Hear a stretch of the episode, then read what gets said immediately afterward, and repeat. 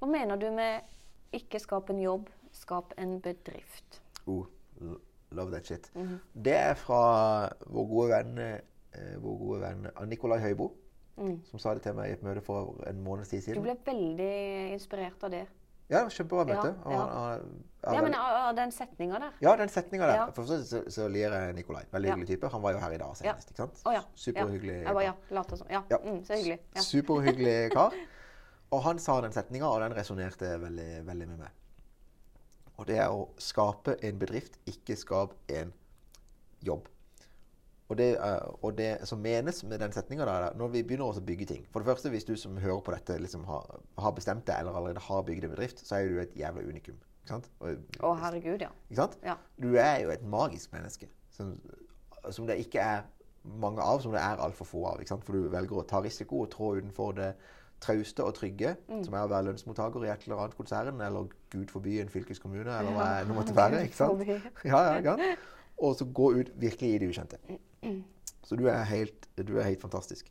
Men når du gjør det, da liksom, I og med at du har den skaperevnen i deg til å skape ting, så kommer du kommer til å gjøre én av to ting. Du kommer enten til å skape deg en jobb, eller så kommer du til å skape en bedrift. Hvis du velger å gå veien med å skape deg en jobb, så kommer du til å skape, deg, eller skape en arbeidsplass for deg.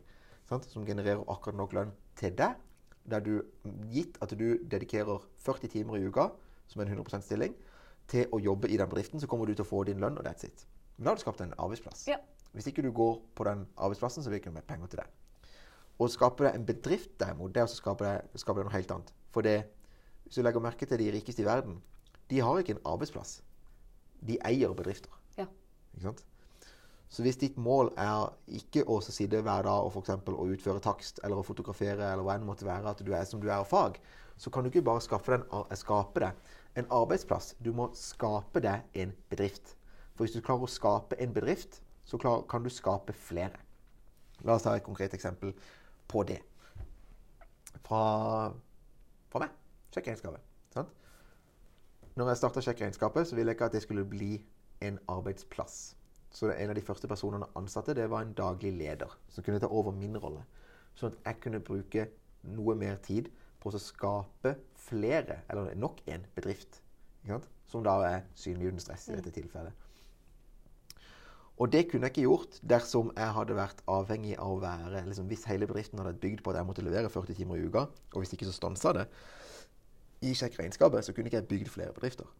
Det, da hadde du vært stuck. Det hadde vært stuck. Ja. Akkurat som hvis Petter Stordalen hadde basert seg på at jo, han skulle jobbe 40 timer i uka bak disken på et uh, Choice-hotell, eller hva det måtte være, så hadde ikke han kunnet bygd det imperiet han bygde. Kanskje ikke akkurat du skal bygge et gigantisk imperie, hvem enn du er som, liksom, som lytter til. Men det betyr ikke at du trenger å skape deg en arbeidsplass. Skap en bedrift. Som gjør så kan du skape flere hvis du ønsker, eller så kan du la være å skape flere hvis du ønsker. Ikke sant? Eller bare jobbe i den bedriften du har skapt, Ja. i en frivillig arbeidsplass. Ja. Men det å gå inn det å Når du starter en bedrift og systematisk setter den opp sånn at den er 100% avhengig av deg, det er å skape, skape seg en arbeidsplass. Og det er heller ikke noe sånn, som er veldig smart sånn investeringsmessig heller. For la oss si du har et aksjeselskap, og du har investert 100 000 kroner i dette aksjeselskapet, og du rigger det på en måte som gjør at det er 100% avhengig av deg. Da har du skapt en verdiløs bedrift. Ja. For ingen kommer til å ønske å kjøpe det av deg. La oss si at du ble syk?